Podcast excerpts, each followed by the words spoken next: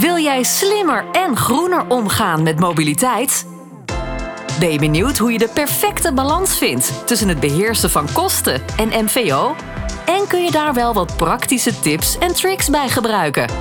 Samen met mobiliteitsprofessionals bespreken presentator Volker Tempelman en consultants Elske van der Vliert en Arjos Bot de laatste ontwikkelingen en trends binnen de zakelijke mobiliteit. Welkom bij de Mobiliteitsprofessionals. Deel 88 van de Mobiliteitsprofessionals. Elske en Arjos, welkom. Dankjewel, Volker. Dankjewel. Centrale vraag deze keer is: wat ligt er in het verschiet voor de zakelijke rijder? Daar praten we over met onze gast, Sander Borsten, directeur Vereniging Zakelijke Rijders, afgekort VZR. Welkom Sander, goed dat je erbij bent. Ja, dankjewel. Sander, je bent sinds kort directeur van de eh, VZR. Wat doe je eigenlijk als directeur van de Vereniging Zakelijke Rijders? Ik ben net twee weken geleden gestart als directeur van de VZR. Met als belangrijke opdracht om uh, de VZR te professionaliseren en naar de next level te brengen. En om nog een belangrijkere rol te spelen binnen de, de zakelijke mobiliteit. Maar de zakelijke rijder staat daar centraal in. Ja, de zakelijke rijder is tweeledig. Eén is de lease-rijder. Tweede is de zakelijke kilometers die gemaakt worden met de eigen auto. Dan heb je het over 1,3 miljoen lease-rijders. Dat kan een auto zijn van leasemaatschappij of een auto van de, van de werkgever. En dan heb je het nog over dikke 4 miljoen eigen auto's waar de zakelijke kilometers mee gemaakt worden. En dan heb je het echt over de berijder in de auto die zakelijke kilometers maakt. Wat denk jij, ook gezien de ontwikkeling op dit moment, dat echt, nou ja, je speerpunt misschien wel wordt in komende zes maanden? Nou ja, weet je, de, de vereniging speelt een belangrijke rol in de zakelijke mobiliteit. Hè? Dus, mm -hmm, actief op voor die belangen van die zakelijke rijders. Ja. En het maakt niet uit of je zakelijke kilometers rijdt in een auto van de zaak of een privéauto. Hè? Die VZR is er voor je. Nou, en ik, joh, ik kijk er naar uit om, om samen nieuwe ideeën te verkennen en de vereniging naar dat hoge plan te tillen. En ik verwacht daarmee ook dat het belang van die vereniging nog relevanter wordt om die uitdagingen waar de zakelijke rijder voor komt te staan, ja, die worden alleen maar groter binnen de ontwikkelingen van die duurzame mobiliteit. En dan moet je denken aan uh, nou ja, regelgeving, belastingen, uh, verkeerscongestie in, in de steden, reiskostenbeheer, digitalisering, flexibiliteit in mobiliteitsbehoeften. Ik rijd nu ook een aantal dagen in de week op en neer naar Vianen. Daar sta ik altijd wel ergens in de file. En dan kijk ik om me heen en dan zie ik daar die zakelijke rijder.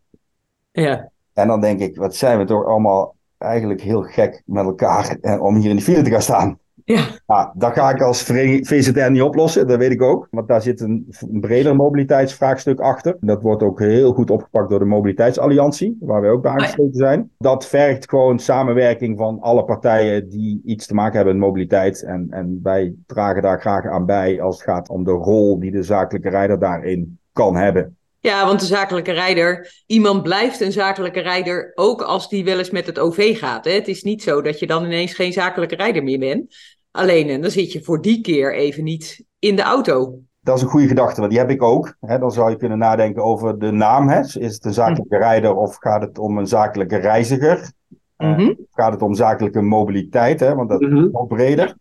Ja. Dus dan gaat het niet alleen om de auto, maar om mobiliteit in de breedste zin van het woord. En dan kan het inderdaad openbaar vervoer zijn, kan een fiets zijn en andere vormen van mobiliteit. Dus ja, dat breder trekken is een uitdaging, maar er zitten natuurlijk er zijn allerlei partijen in Nederland die zich op een bepaald gebied specialiseren en zich inzetten voor uh, bepaalde belangen. En uh, dat is ook AWB, de BOVAG, de rijvereniging.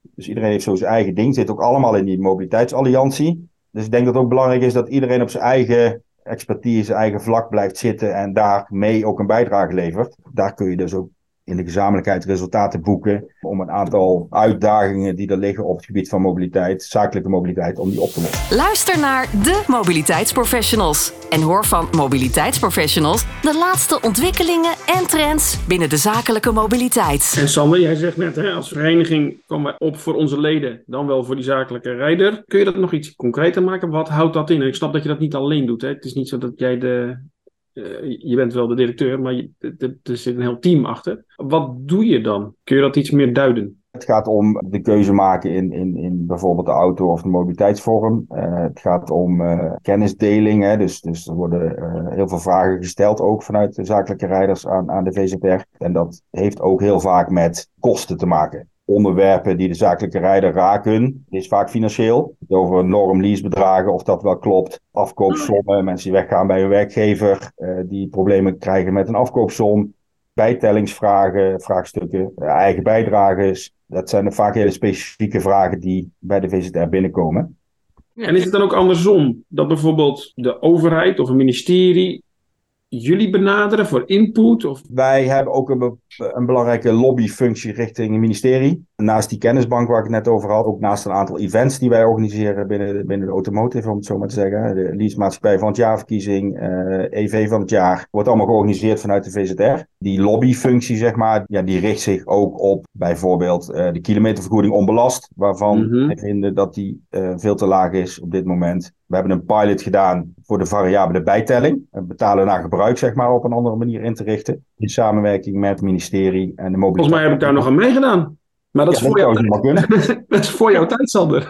is zeker voor mijn tijd. Maar wel een, uh, wel een mooie, mooie pilot om, uh, om het betalen naar gebruik uh, op een andere manier te benaderen en er anders naar te kijken.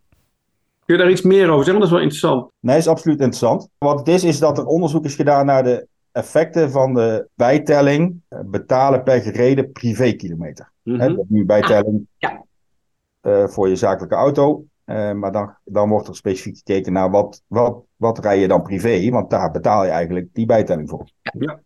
In plaats van het betalen van een vast bedrag per maand. Nou, wat ik net zei, het onderzoek is uitgevoerd in opdracht van het ministerie, INW en de Mobiliteitsalliantie. Uh, En in samenwerking met, en dat is misschien wel de reden dat Arjos heeft meegedaan, uh, de, de Stichting Keurmerk Ritregistratiesystemen. Ja. ja. Hele mond vol. Uh, SKRRS.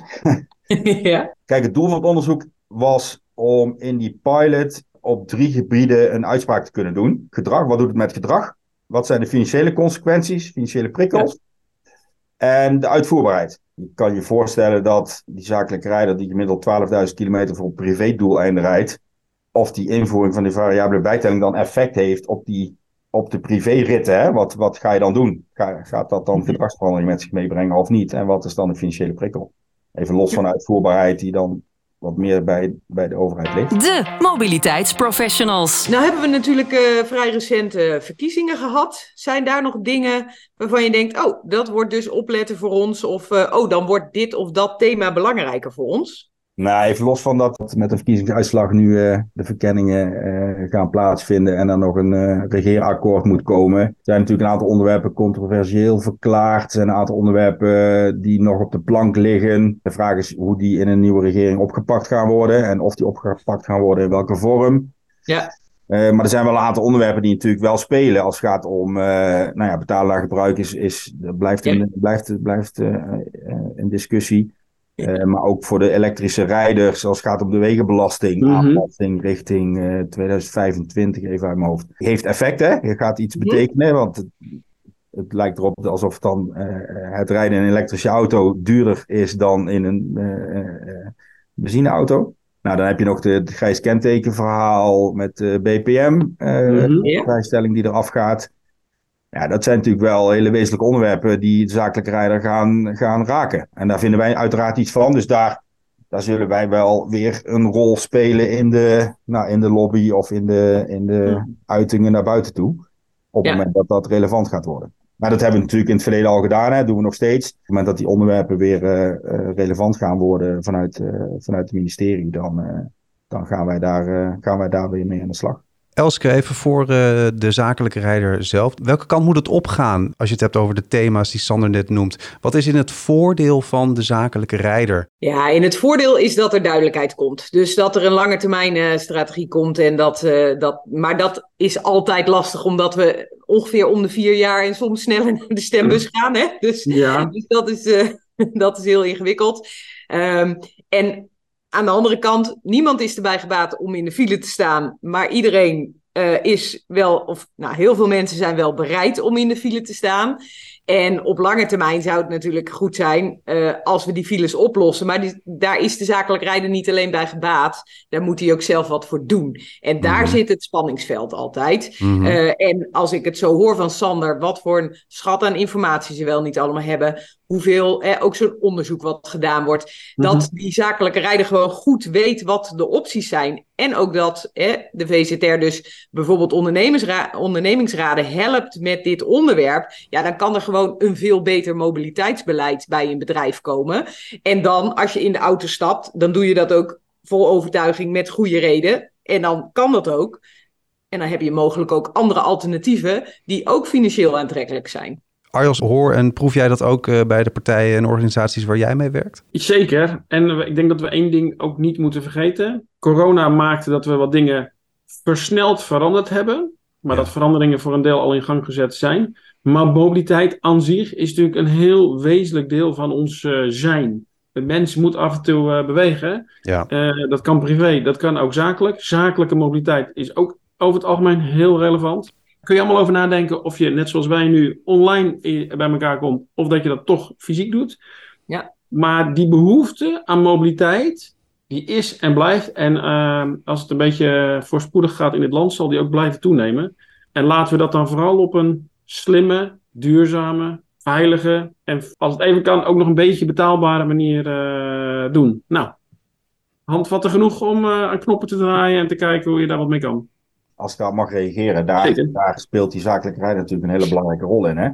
Wat je zegt, er zijn natuurlijk heel veel mobiliteitsontwikkelingen uh, en uitdagingen. Denk aan uh, geen files meer, CO2-uitstoot, uh, eh, nul verkeersdoden. Mm um, dat zijn hele mooie doelstellingen, maar als er geen gedragsverandering plaatsvindt mm bij de zakelijke rijder of geen prikkels zijn om te veranderen, dan is de vraag, wat verandert er dan en hoeveel? Hè? En, en daar willen wij als VZR wel een belangrijke rol in spelen. Hè? Wij zitten dus aan de kant van die bereider. Hè? Dus als het gaat om mobiliteitsaanpassingen, dan kan, kunnen allerlei maatregelen zijn hè? Eh, die financiële prikkels eh, met zich meebrengen, of belastingtechnisch, of de verkeerscongestie, of de files, of noem het allemaal maar op.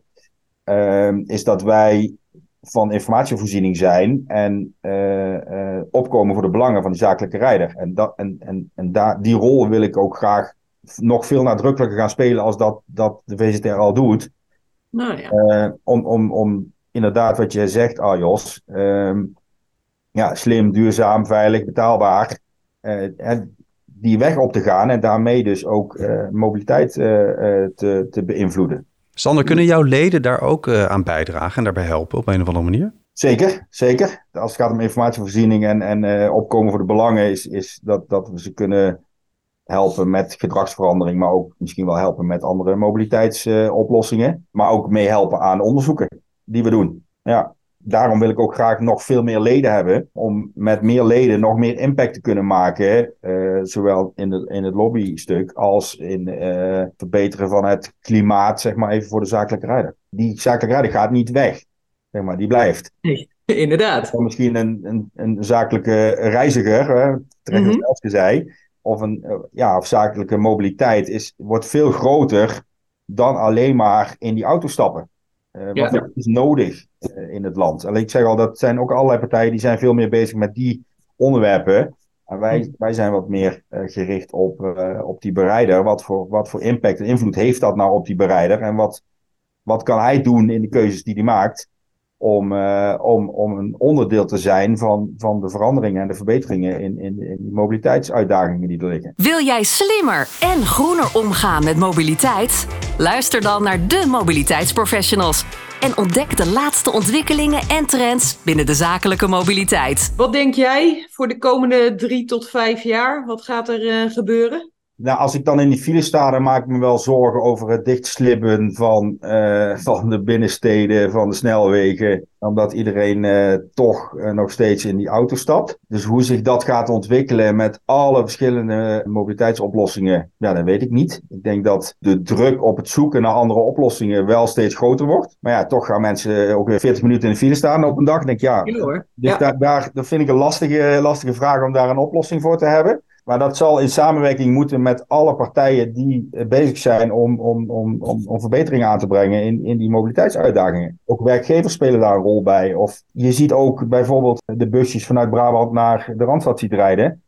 Omdat zij uh, uh, een betere prijs afgeven voor het maken van die badkamer. Daar mogen we ook iets van vinden met elkaar. En da daar ontstaan ook files door, snap je? En, ook, ja. en dat heeft ook een, een negatieve uitwerking op de CO2-uitstoot en, en andere dingen. Dus hoe, hoe dat de komende jaren zich gaat ontwikkelen, um, ja, ik, heel eerlijk gezegd, ik weet het niet. Ik vind wel dat de, de inhoud van de, het rapport van de Mobiliteitsalliantie, wat ze onlangs hebben gepresenteerd aan het ministerie en, en het rapport ook hebben, onder leiding van Marga de Jager, dan het rapport hebben aangeboden. daar staan wel hele rake dingen in. En als we dat met z'n allen weten beter te pakken, geloof ik er wel in dat er verbetering komt en ook een verandering in het gedrag, om dan maar even de vertaalslag weer te maken naar VZR, ook een verandering komt in het gedrag van die zakelijke rijder. Heb ik, denk ik, nog een bijna een laatste vraag voor je, Sander, want zo snel gaat het alweer. Oké. Normaal vragen wij altijd, Vio, heb je nog een praktische tip voor uh, de luisteraar? En dat zou ik nu even willen herformuleren naar, heb jij naast wordt allemaal lid van VZR. ja, Nog een andere tip voor de zakelijke rijder. Nou ja, ik zou bijna zeggen, ben je bewust van de invloed die je kan hebben op zakelijke mobiliteit? Dat is heel breed, maar dat is ook juist de bedoeling. Uh, want dat is denk ik alles. Ja, dus het sluit aan bij de file, dat ben je ook zelf als je erin staat. Dus daar zit ook een stukje bewustzijn en uh, bewustwording in. En de invloed die je daar wel of niet op hebt. Ja. Ja. ja, maar ook bewust van kosten. Bewust ja. De rol die je hebt in het verkeer, in, in de duurzaamheid ook. Uh, andere oplossingen zoeken voor, uh, om van A naar B te komen. Is meteen een mooie linkje ook naar uh, wat we altijd doen in de podcast de oproep om met elkaar in contact te blijven. Want dat kan gewoon. Uh, wij blijven in ieder geval vanuit de podcast heel graag met jullie luisteraars in contact. Laat eens gewoon van je horen. Dat kan bijvoorbeeld op LinkedIn. Dat is de makkelijkste manier. Dan kan je gewoon posten en tag ons dan in je bericht. Dan kunnen we online verder discussiëren en praten over uh, de thema's die we behandelen in de podcast zoals vandaag. Sander, als mensen met jou in contact willen komen, kan dat? En hoe kunnen ze dat het beste doen? Sowieso, alle suggesties en input zijn, zijn van harte welkom. Hè? Dus laten we in ieder geval het dialoog openen. Daar ben ik wel van. En ik wil ook iedereen dan inderdaad uitnodigen die dit podcast heeft geluisterd, uitnodigen van, joh, heb je vragen, ideeën?